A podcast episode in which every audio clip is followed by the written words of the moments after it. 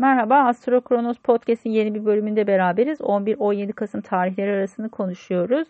Yay burçları için pazartesi, salı daha çok ofis, iş arkadaşları, sağlık konuları ön planda olacaktır.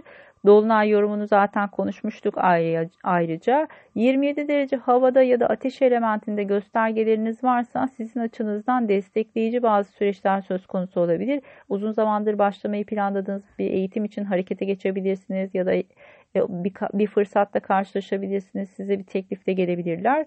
Burası birazcık daha sizin açınızdan olumlu gözüküyor ama dediğim gibi Merkür Retrosu olduğunu hiçbir zaman unutmuyoruz.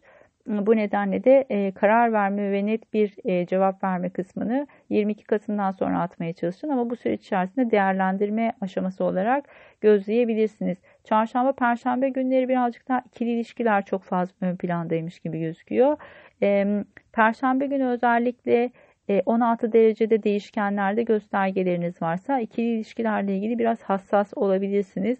E, sağlıkla ilgili konularda şekere biraz dikkat diyoruz. Burada biraz e, oynayabilir açıkçası. Şeker rahatsızlığı olanların biraz dikkat etmesi gerekiyor.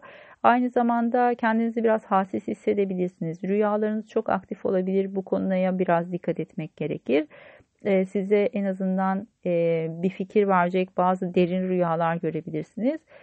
Cuma, cumartesi, pazar daha çok krediler, ödemeler, faizler, birazcık daha finansal konular ön plandaymış gibi gözüküyor. Belki bunları organize etmeniz gerekebilir. Cumartesi, pazar için hafta sonuna da denk geldiği için burada yapacağınız harcamalara dikkat etmekte fayda var.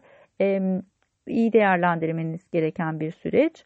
Ee, bir sonraki podcast'te görüşmek üzere. Umarım keyifli bir hafta olur sizin açınızdan. Hoşçakalın.